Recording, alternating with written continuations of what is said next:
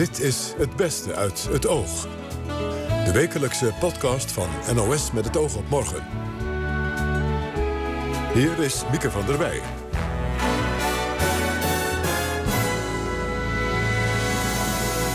die alle week podcast luisteraars een gelukkig nieuwjaar wenst. En ook de afgelopen week zijn er weer gesprekken gevoerd en hebben we een paar mooie geselecteerd. Bijvoorbeeld een gesprek over Mount Everest. Daar werd een plastic verbod ingesteld. De hoogste berg van de wereld heeft een flink afvalprobleem. En dan gaat het niet alleen om plastic, vertelt klimmer Wilco van Rooyen. Het meeste zit eigenlijk in blik. Ja, dat blik dat blijft ook allemaal achter. En dat wordt wel in de fik gestoken, maar ja, dat, uh, dat verbrandt helaas niet. Nou, en zo heb je ook nog uh, gasflessen. Uh, ik heb zelfs wel fornuizen gezien. 2020 wordt het jaar van Beethoven. Het is 250 jaar geleden dat de beroemde componist werd geboren. Dirigent en violist Karel den Hertog noemt hem geniaal. Er zit een ongelofelijke energie altijd in de muziek van Beethoven. Oh ja? Dus hij geeft je altijd een links of een rechtse waar Badahari nog wel eens jaloers op zou kunnen zijn. En Parijzenaar Wilfred de Bruin kreeg van ons de opdracht om het positiefste nieuws van het afgelopen jaar te zoeken. Dat was dus niet makkelijk om iets te vinden in het land van uh, zwartkijkers en pessimisten. De twee jongens die worden verdacht van de fatale brand in Arnhem zijn op nieuwjaarsdag gearresteerd en 3 januari weer vrijgelaten. Ze blijven verdachten. Wat gaat er met deze kinderen van 12 en 13 gebeuren? Ik vroeg dit aan kinderombudsvrouw Margriet Kalverboer toen ze nog vastzaten. Kalverboer is jurist, orthopedagoog en werkt zeven jaar in een jeugdgevangenis. Volgens haar is de juiste begeleiding voor deze tieners nu uiterst belangrijk. Over het algemeen zeggen we bij zulke jonge kinderen... die moet je niet in een politiecel opsluiten. Ik heb het zelf ook, uh, nou ja, ook in mijn loopbaan gezien... wat het met kinderen kan doen als ze um, ja, op zo'n plek komen. Want dat, daar zijn ze niet op voorbereid. Nee. En, en dat kan ook nog jaren later uh, ja, hun leven ook weer enorm beïnvloeden. Ja, in welke maar dit is zo'n ja. ja. Ja, unieke zaak daarin. In welke gevallen mag je minderjarigen wel opsluiten? Nou, dan moet. Uh, ja, je, kijk, het, het uitgangspunt, en dat is ook het uitgangspunt binnen, binnen uh, ja, voor het kinderrechtenverdrag, is dat je kinderen niet opsluit tenzij er geen andere mogelijkheid is. Het is een soort uiterste middel. Dus die afweging wordt gemaakt. Maar bij voorkeur laat je kinderen naar huis komen of gaan of naar een andere plek waar ze uh, overnachten en komen ze gewoon s ochtends weer terug uh, voor het onderzoek en het verhoor. Ja. En ja, als, als kinderen bijvoorbeeld informatie hebben die ze niet mogen delen, ja, dan zullen ze op een plek moeten zijn waar ze niet met anderen in contact komen. Dus daar kunnen in het kader van het onderzoek kunnen er allemaal argumenten zijn om kinderen um, ja, al dan niet vast te houden. Maar bij voorkeur uh, ja. ja. gaan ze naar huis en uh, komen ze de volgende dag weer terug. Ja, maar goed, als ze dan toch vastgehouden worden, om, om wat voor reden dan ook, dan krijgen ze waarschijnlijk wel een speciale behandeling. Dat, eh, nou, dat, daar pleiten we natuurlijk enorm voor. En dat is ook wat het kinderrechtencomité uh, uh, voorstaat.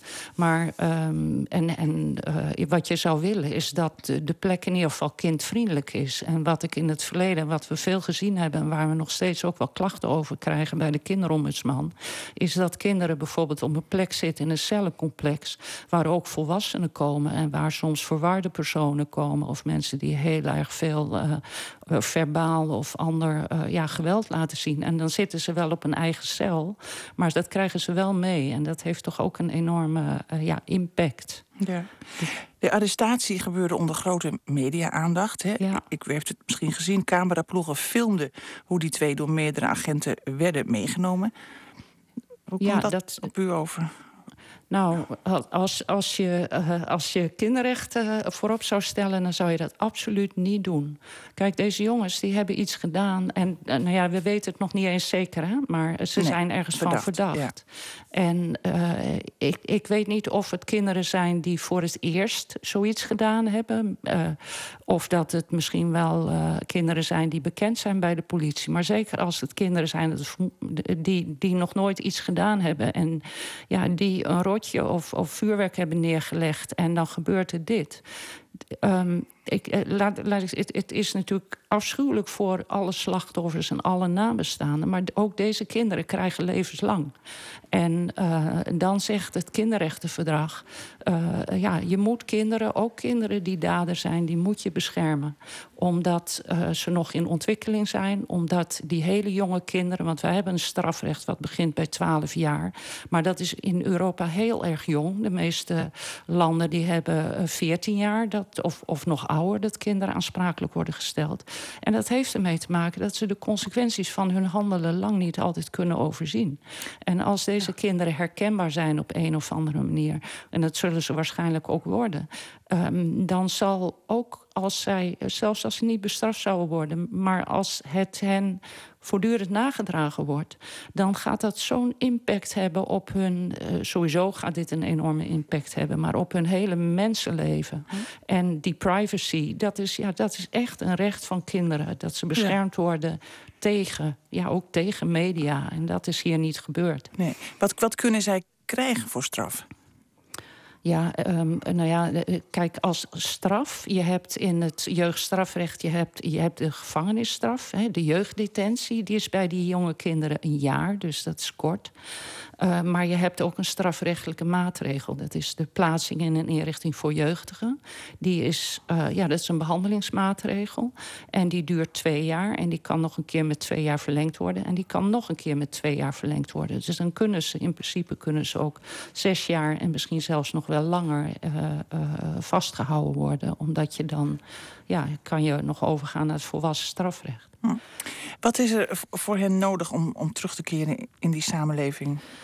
Nou, voor hen, maar ook voor de ouders en, en voor iedereen uh, ja, die bij deze jongens uh, betrokken is, is er in ieder geval een hele goede begeleiding nodig. Want dit zal, dit heeft op, uh, ja, in eerste instantie natuurlijk op de, op de nabestaanden van de slachtoffers een enorme invloed. Maar dit heeft ook een enorme invloed op de families van de kinderen en de kinderen zelf, die dit, ja, de kinderen die dit veroorzaakt hebben. Dus die zullen daar enorm goed in begeleid moeten worden. Want uh, uh, uh, en en ook, ook de plek, hè, als zij teruggaan naar school en als kinderen. Kijk, ik heb veel ook gesproken met kinderen die een ouder hadden die een detentie hadden. Nou, die kinderen merken al hoe het is dat als jouw vader of moeder iets gedaan heeft wat niet kon, hoe kinderen daarop aangesproken worden. En deze kinderen die hebben dit, vermoed ik, helemaal niet beoogd. Hè? Nee. En, maar wel veroorzaakt als, als zij uh, schuldig begonnen, uh, ja. gevonden worden. En als wij, uh, ja, als de samenleving hen de rug toekeert ja, dan heeft dat denk ik heel veel gevolgen voor uh, ook hoe zij zich ontwikkelen. En ook of zij later normaal kunnen functioneren. Of dat ze juist uh, uh, misschien wel ja, een, een, een, een, nou ja, een, misschien wel een criminele carrière gaan, gaan krijgen. Of omdat ze toch uitgestoten worden. Of geen plek krijgen in onze samenleving. Dus die moeten hele goede hulp krijgen. De twee zijn nu dus weer bij hun ouders. Maar ze moeten wel beschikbaar blijven voor justitie. Sinds 1 januari, een paar dagen geleden dus, mogen klimmers geen plastic meer achterlaten op de Mount Everest. Het afvalprobleem op de hoogste berg van de wereld wordt steeds groter. Marcia Luiten sprak met Wilco van Rooyen, die de Mount Everest beklom in 2004. En ze vroeg hem of het toen ook al zo'n puinhoop was. Uh, ja, nou niet zo erg als, uh, als, als vandaag de dag. Ik was er ook in 2002 al. Ja, en als ik uh, nu zie wat de laatste jaren erbij is gekomen... en dan met name aan het aantal mensen die die kant op gaan... ja, dan kun je natuurlijk op je vingers natellen... dat, uh, ja, dat, uh, dat het afval uiteindelijk ook exponentieel, exponentieel. exponentieel is toegenomen. Ja, je zegt het wordt steeds drukker daar. We zagen al afgelopen jaar die, die file op de Mount Everest. Mm -hmm. Is, is dat de, echt de oorzaak van het afvalprobleem? Of moeten mensen sowieso hun troep mee terugnemen? Nou ja, dat dat, dat, zou, zou je zeggen. Uh, maar uh, ja, het, is natuurlijk iets uh, wat, wat, wat eigenlijk al sinds, ja, sinds, sinds dag één speelt, zeg maar, in, in dit soort gebieden. Dat nou ja, niet iedereen zijn afval mee terugneemt. Omdat je daar natuurlijk een lange periode verblijft. is het ja, voor één man of voor één team zeg maar ook niet te doen. Aan de andere kant, je brengt wel al die spullen daarheen, inclusief het eten, met heel veel nou ja, ondersteuning aan Sherpa's, aan Jaks. Uh, en je zou dan denken, de hoeveelheid jaks waarmee die kant zeg maar, opgaat... met dezelfde hoeveelheid jaks ga je dan weer terug... en laat je die weer vol met ook uh, ja, je afval, zeg maar. Nou, en dat, dat is nooit gedaan en dat is ook nog steeds niet gebruikelijk. En dat zou natuurlijk wel gebruikelijk moeten zijn. Dus al die pakjes met van het instant eten dat je hebt, al die uh, pakjes, die zakjes, dat blijft allemaal achter. Ja, en de verpakkingen, dat is niet eens het ergste. Want weet je, uiteindelijk las ik iets van 11 ton afval op dit moment. Ja, weet je, hoeveel kilo daarvan is dan het plastic waar we het nu over hebben? Dat is procentueel gezien natuurlijk uh, nihil. Uh, maar je hebt natuurlijk ook heel veel andere. Hè. Het meeste zit eigenlijk in blik. Uh, ja, dat blik dat blijft ook allemaal achter. En dat wordt wel in de fik gestoken, maar ja, dat, dat verbrandt helaas niet. Nou, en zo heb je ook nog uh, gasflessen. Uh, ik heb zelfs wel fornuizen gezien. Uh, weet je, ja, en, en dat soort dingen. Ja, dat, dat, dat, dat zou je natuurlijk ja, niet, niet willen. Maar ja, vervolgens zit daar natuurlijk ook geen intrinsieke drijver achter, zeg maar, dat je als klimmer daar ook je verantwoordelijkheid in neemt. Want ja, je, je, je, je hebt je ingekocht bij een organisatie. zeker vandaag de dag betalen mensen daar een hoop geld voor. Die organisatie doet natuurlijk alsof ze alles, nou ja, managen, zullen we zeggen.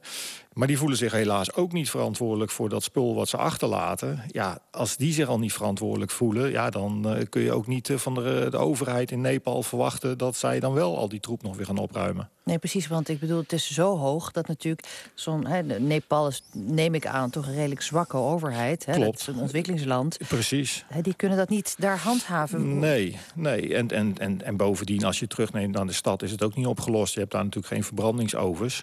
Uh, maar ik denk dus dat de grootste oplossing gewoon is dat iedere klimmer weer zijn eigen verantwoordelijkheid neemt. En ook de organisatie bevraagt van jongens, wat, hoe gaan we met dat afval om? Ja. En dat je niet meer terug kan komen uh, ja, met een goed verhaal. Of met andere woorden, als een journalist een kritische vraag daarover stelt, dat je daar dan ook van tevoren over na hebt gedacht. En niet meer weg kan komen van ja, daar, uh, daar, daar zou de organisatie voor zorgen. Nee, en dan als deze journalist een kritische vraag stelt, wat heb jij met jouw afval gedaan? Nou, wij hebben zelfs een schoonmaak-expeditie georganiseerd. Oh. En uh, ja, dat klinkt heel opportunistisch, maar het heeft uiteindelijk uh, ja, zeg maar het mes snijdt aan twee kanten. Aan de ene kant heb je ook heel veel tijd tijdens zo'n expeditie, uh, waarbij je acclimatiseert, waarin je slecht weerperiodes doormaakt, waarin je eigenlijk niet zoveel doet. Zeker in de commerciële expeditie vandaag de dag. Hè. Het wordt allemaal door de Sherpa's uh, logistiek uh, opgezet. Hè. De kampen, de touwen, dat soort dingen. Ja, dan heb je juist als deelnemer ontzettend veel tijd om ook gewoon te struinen. En eigenlijk gewoon overal waar je afval ziet, dat te verzamelen. En hoe heb je dat dan mee de berg uh, afgenomen ook weer? Nou ja, precies hetzelfde manier waarop je de berg mee opneemt. Gewoon in de rugzak. En ik kan je vertellen dat uiteindelijk uh, is het een soort strandjutten... waarbij je ook nog leuke voorwerpen vindt. Zo hebben wij ooit de eerste zak van de eerste expeditie... dat was dan weer op de K2 gevonden. Die ligt nu ergens in een uh, museum. Nou ja, het is maar om aan te geven dat afvalstruinen ook leuk kan zijn. En we kregen bovendien heel veel respect van onze nou ja, medeklimmers... uit andere teams. He, die stonden eerst een beetje gek aan te kijken. En vervolgens zeiden ze, nou ja, ach, we doen we lopen voor en we klimmen wel met jullie mee want we hebben toch eigenlijk uh, vandaag niks te doen. Dus het is ook gewoon iets wat je ja, leuk moet maken. En, en nogmaals, elkaar er ook gewoon op moet aanspreken. En dan hoeft zo'n overheid daar ook geen regels... want het is natuurlijk een, bloedje, een uh, doekje voor het bloeden nu. Uh, hoef je daar ook geen regels voor af te spreken. Want zeker in een land als Nepal, wie gaat het dan weer controleren? Ja, want gaat dat verbod dan wel helpen? Nou, laten we vooropstellen dat elke poging is een goede. Maar ik denk uiteindelijk dat het heel weinig uit gaat maken. Ja, en je hebt uh, uh, eigenlijk op alle continenten heb je uh, de hoogste toppen beklommen. Mm -hmm. Is het op die andere bergen ook zo'n troep? Uh, nou, dat is grappig. Als je bijvoorbeeld naar Alaska gaat, dat ligt natuurlijk heel dicht bij uh, Amerika. Nou, die timmeren dat toch een stukje beter dicht. Daar moet je zelfs je ontlasting meenemen. het is heel simpel. Als jij, dan moet je een soort, super, hoe zeg je dat, statiegeld voor betalen aan het begin van de expeditie. krijg je ook een tonnetje mee. En dat is dan 300 dollar bijvoorbeeld per klimmer. Dat is nog heel weinig. Maar goed, iedereen denkt natuurlijk, ik wil wel mijn 300 dollar terug. En dat krijg je ook terug op het moment dat je ook met je zakjes uh, gevuld, zeg maar, uh, bevroren ter mee terugneemt. En als je dat niet hebt, ja, dan verlies je je statiegeld. Nou ja, dit soort simpele acties zou je natuurlijk ook op Everest kunnen bedenken. Wilco van Rooyen hoorde u over oplossingen voor het grote afvalprobleem op de Mount Everest. Met een bevroren zakje plas weer naar beneden komen. Een mooi beeld. We gaan naar Beethoven. Die werd 250 jaar geleden geboren. En daarom is 2020 of 2020, net wat u wil, uitgeroepen tot Beethovenjaar. Karel Den Hertog is violist en dirigent en een bewonderaar van Beethoven. Aan Koen Verbraak vertelde hij over zijn fascinatie. Beethoven was revolutionair.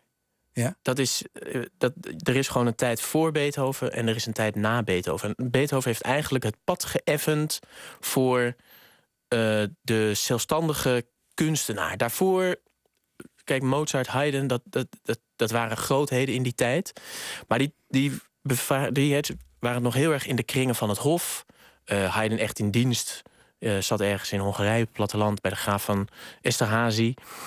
Dus die ja, die moesten nog heel erg pleasen. Beethoven had ook de aristocratie nodig om geld te verdienen. Maar hij schreef die werken uit eigen, uh, ja, uit eigen oerkracht om te scheppen. Ja, maar wat maakt het nou, hè? Want, want uh, u bent uh, dirigent. Zeg maar jij.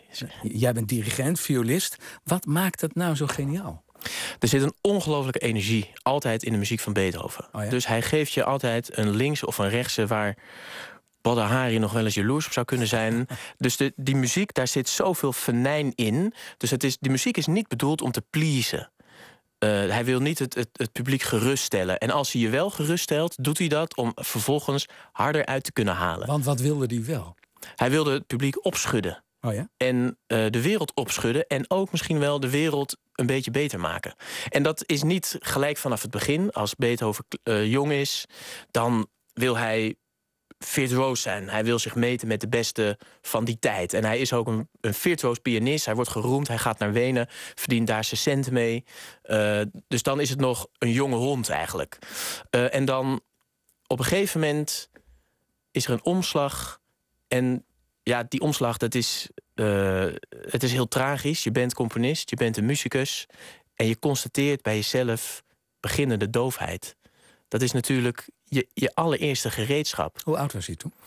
Ja, wanneer het precies begon weten we niet. Maar geboren 1770 en waarschijnlijk zo vanaf 1798. Dus dan was hij 28. Uh, hij was uh, succesvol. Uh, dus hij, hij zou het helemaal gaan maken. En op dat moment constateert hij... mijn belangrijkste instrument raak ik misschien wel kwijt. Dus hij komt in een soort crisis terecht.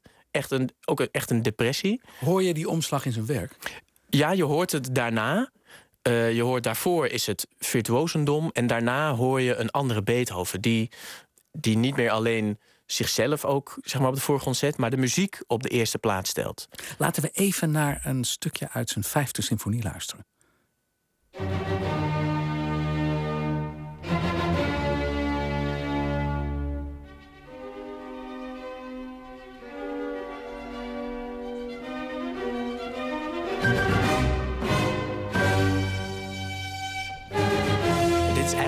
Ongekend. Ja? Dit is al zo, dit is al zo verrassend. Want, wat, wat, wat is hier zo... Nou, ongekend, een, een, een zeg maar, de B-componist... of daarvoor was gebruikelijker om uh, gewoon te beginnen met een, mooie, met een mooi thema. Wat je mee kan zingen. Maar dit Ja. is geen thema. Dit is een motiefje. Papapapam. Gewoon drie noten die zich herhalen en een slotnoot. En dat gebruikt hij, dat is een soort kiemcel voor de rest van de symfonie. Dat bouwt hij uit. Dat wordt een spel. En dat gaat dan uiteindelijk naar het laatste deel. En dat is een soort triomfantelijke mars. Bijna, bijna banaal. De overwinning. Want we hadden het net over die doofheid. Op een gegeven moment komt hij in een diepe depressie. Hij zit in een stadje buiten Wenen. En daar schrijft hij wat bekend is geworden als het Heilige Stette Testament. Dat is na zijn dood pas gevonden, maar hij schreef het in 1802. En daarin zegt hij, oké, ik word doof. Ik heb diep in de put gezeten. Ik heb er aan gedacht om er een einde aan te maken. Maar hij zegt, nee, ik ben een componist en ik ga door. Maar vanaf nu wil ik scheppen. Wil ik de wereld beter maken. Ik moet, ik moet componeren. Want wat we net hoorden, die vijfde, was, dat, was hij toen al doof? Toen was hij zeker, niet 100% Het is een geleidelijk proces geweest, maar hij was zeker doof. Dus hij ra- raakte ook in een sociaal isolement. Want doofheid, hij, hij liep er niet mee te koop. Want ja, dan zou hij belachelijk gemaakt worden. Hij was bang om zijn, zijn beschermende kring te verliezen. Ja, een componist die doof is, dat, ja, dat kan niet. Dus hij heeft heel lang die doofheid verborgen gehouden. Maar dat betekende wel dat hij sociale contacten uit de weg ging. En ook in sociale contacten een, een hele ongepaste indruk maakte. Om niet betrapt te worden op zijn doofheid. Precies. Dus en zeg maar dat beeld van die ongelikte beer die Beethoven is, dat is niet alleen maar omdat hij zo is. Maar dat is ook omdat hij zich zo is moeten gaan gedragen, omdat hij in een sociaal isolement terecht is gekomen. Want het is natuurlijk heel fascinerend dat we naar iets luisteren, eh, geschreven door iemand die dit niet zo heeft kunnen horen zelf. Nee, nou, dit heeft hij dan misschien nog wel voor een deel kunnen horen. Het werd steeds minder. Maar er zijn op het eind van zijn leven zijn er werken geweest. Die heeft hij niet kunnen horen. Maar hij had wel zo'n innerlijk. Hij kon het zeg maar in zijn hoofd horen. Dus hij had de klankvoorstelling. Dus hij kon het, als hij iets zag, dan, dan wist hij hoe het zou klinken. Ja, ja. Laat, laten we nog even wat horen.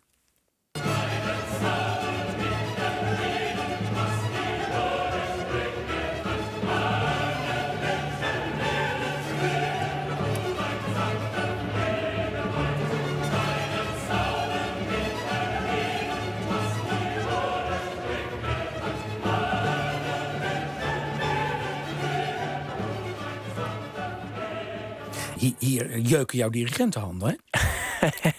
Deze heb ik niet gedirigeerd. Dit zou wel, ja, dit is wel, dit zou wel ultiem zijn. Is het moeilijk om te dirigeren? Ja, dit is wel, dit is wel echt moeilijk. Dit is zo groot. Dit is, dit is de negende symfonie, hè? bekend geworden als Alle mensen werden broeder. Dat, dat kennen mensen. Maar moet je wel bedenken, hier zit, dit is het allerlaatste gedeelte van het vierde deel. Hier zit een enorme lap muziek. Hier zit een uur muziek voor. En dat leidt allemaal toe naar hier, dat dan het hele koor op kan staan. En met z'n allen kunnen we zeggen: laten we de strijdbijl begraven, laten we de vreugde beleven en laten we allemaal één zijn. En dat deel, dat, dat doel, dus dat, de, het, de eenwording, dat was een hoger doel van Beethoven. Dat heeft hij altijd nagestreefd in zijn En werken dit op het klonk eind. in zijn hoofd. Dit klonk in zijn hoofd. Dit heeft ook letterlijk geklonken. Maar daar heeft hij vrij weinig van meegekregen. Hij stond nog wel te dirigeren. Maar dat was een soort. Ja, dat was een soort gimmick. Dus dan, men keek naar de concertmeester. Dat, hè, dat was de, de, de eerste violist aan zijn linkerhand. Die gaf alle inzetten. En hij stond daar wild zwaaiend. En ja, bracht eigenlijk. Ik bedoel, het was gewoon zijn aanwezigheid die inspireerde. Maar hij had daar niet meer echt de functie van een, eh, een leidsman. Dat klinkt ook wel als een heel droevig leven. Als je Dat, zo... dat is het. Hij, in heel veel brieven heeft hij zich wel echt uitgelaten. Hij heeft een droevig leven gehad. Ja. En hij heeft zich daar altijd tegen verzet. Dus dat zit in de muziek. Dus de, die droefheid, hij, ja, het gaat je aan het hart. Het is ook echt een hele. Ik denk ook dat het een romantische man is geweest. Er is een andere brief van hem bewaard gebleven. Die hij ook heeft bewaard. En pas na zijn dood is gevonden. En die is geschreven aan de onsterfelijke geliefde. Aan die onsterfelijke geliefde. Nou, dat, is, dat alleen al is romantiek ten top. Dus dat is een soort laatste poging van. Eh, Ik wil met jou, maar hij heeft die brief nooit verstuurd. Want wat weten we verder van hem? Had hij, had hij nooit eh, een, een partner? Of? Geen vaste. Hij heeft Nee. nooit eh, het huiselijk geluk. Heeft hij misschien wel. Daar heeft hij een, een periode in zijn leven wel naar gestreefd. Met die onsterfelijke geliefde. Maar dat is hem nooit gegund. Ook vanwege de doofheid, zeg maar, dat sociale isolement. Het was geen goede partij, ook een vrije kunstenaar. En ja, dus voor veel, voor veel vaders was hij niet een al te beste partij. Dus hij heeft dat op een gegeven moment ook heel bewust gezegd: Oké, dat is niet voor mij weggelegd. Hij had een tragisch leven en hij heeft zich in zijn muziek daar altijd tegen verzet. Dat was het enige waar hij nog echt vreugde in kon vinden. In het creëren van nieuwe werken. Maar daarbuiten was het geen zonnetje in huis en ook voor zichzelf. Het was geen blijmoedig mens. Geen blijmoedig mens. Dat ging over Beethoven. Dit jaar is uitgeroepen tot Beethovenjaar. Dan onze favoriete Parijzenaar Wilfred de Bruin. Die is doorgaans wel blijmoedig. In onze serie over goed nieuws, dat in 2019 ondersneeuwde, vroegen we hem dan ook om een bijdrage. Dat viel nog niet mee. Wilfred moest lang nadenken en rondvragen. Ja, iedereen keek wat moeilijk voor zich uit. En, en dat was dus niet makkelijk om iets te vinden in het land van, eh, van eh, zwartkijkers en pessimisten. Ehm, en toch is er nog iets heel positiefs te melden. En dat is voor Hollanders misschien wat eh, ja, een open deur en eenvoudig. Maar voor Fransen en voor Parijzenaars zoals ik is er werkelijk een revolutie aan de gang. Ehm, sinds dit jaar zijn er voor het eerst, ja, het klinkt wat eenvoudig, echte fietspaden in Parijs. Weliswaar hadden we al eerder op de grond gestrokken strepen... en dan had iemand een logo van een fiets erop geschilderd. Maar je moest nog altijd, als je hier op je fiets door de stad ging... met gevaar voor eigen leven tussen de bussen en de scooters door uh, slalomeren. En de meeste mensen hielden dat ook niet vol. En dat is inmiddels helemaal veranderd. Van noord tot zuid, van oost tot west. Nou, dus even de picture, dan is van de Bastille in het oosten tot aan het begin van de Champs-Élysées, kun je nu helemaal op een veilige fietssnelweg rijden. En die zijn allemaal opgeleverd deze zomer. En ja, dat verandert alles in deze stad, vooral nu tijdens de stakingen. Ja, en, was jij al aan het fietsen als een echte Hollander door Parijs? Nou, toen ik, ik kwam in 2003 aan in deze stad en ik had natuurlijk mijn oude fietsje meegenomen. En ik heb het even volgehouden. Uh, Weet je, ik hou best van adrenaline. Als ik ga skiën, dan durf ik af en toe van een zwarte piste af. Maar elke dag van, uh, voor woon-werkverkeer van A naar B is dat echt geen goed idee. Dat was echt ongelooflijk link. Uh, de meeste Fransen durfden het ook niet. Voor hen was fietsen eigenlijk ook iets wat je doet op het platteland. Voor een sportactiviteit. Maar niet om naar werk of naar school te gaan. En ik, heb, uh, ja, ik ben er ook mee opgehouden. Het was gewoon doodeng. En ik moet zeggen dat ik het eigenlijk ook niet weer durfde. Ja, niet echt een angsthaas. Maar het was gewoon eigenlijk link. Uh, maar omdat die fietspaden er nu zo prachtig liggen, was er al in november, nog voor het begin van de stakingen, riepen de kranten: er is iets ongelooflijks aan de hand. 50% meer fietsers. Inmiddels zitten we op zo'n 200%, omdat er natuurlijk geen metro's rijden. Uh, maar iedere Fransman lijkt wel zijn fiets ergens uit een schuur of misschien uit zijn vakantiehuis te hebben opgenomen. Er is wel nog één probleem. Uh, ze kunnen eigenlijk niet zo goed fietsen. Ja, ze kunnen wel peddelen op hun pedalen, et cetera. Dat hebben ze altijd al gedaan. Maar ja, Nederlandse kinderen worden opgevoed met alle regels goed kijken, hand uitsteken, et cetera, et cetera. En voor de vrouw, ja, het is nog een beetje een chaos tussen fietsen hier. Ik zie echt de meest uh, verschrikkelijke dingen af en toe langkomen. Vorige week uh, uh, werd ik ingehaald door een, door een priester in Soutane. Dat zag er prachtig uit, die wapperende rok daar zo achter. Maar dat kwam, ik dacht, oh, oh, arme man, god verhoede dat die rok bij jou tussen de spaken terechtkomt. Dat je een rotsmak maakt. en zo zien we meer afschuwelijke dingen. Het verbroedert wel. Mensen praten opeens met elkaar. Dat is ook niet echt gebruikelijk in deze stad. Uh, maar met een fiets is het toch wat makkelijker dan tussen een scooter en een auto, et cetera. En uh, het ironische is, volgend jaar zijn hier gemeenteraadsverkiezingen. En al deze fietspaden zijn aangelegd door een linkse burgemeester. Ja, nog een van de weinige mastodonten van de Partij Socialist die hier macht heeft. En iedereen schold op haar vanwege al die werkzaamheden van de fietspaden. Maar nu schrijft zelfs de rechtse pers, Le Figaro, Le Point, die zeggen: ja, we mogen er niet. Maar die vrouw was toch een visionair. En het zal toch niet zo zijn dat met behulp van die linkse stakingen... dat deze linkse burgemeester straks nog een keer verkozen gaat worden in maart... omdat iedereen het ziet, van links tot rechts... dat er iets fantastisch aan het gebeuren is in deze stad. Nou, u hoort het, Wilfred de Bruin. Het blijft een optimistisch mens. Hij denkt dat het wel goed komt met Parijs. Nou, dat was het weer eh, voor deze week. Dankjewel voor het luisteren. Tot de volgende podcast. Dag.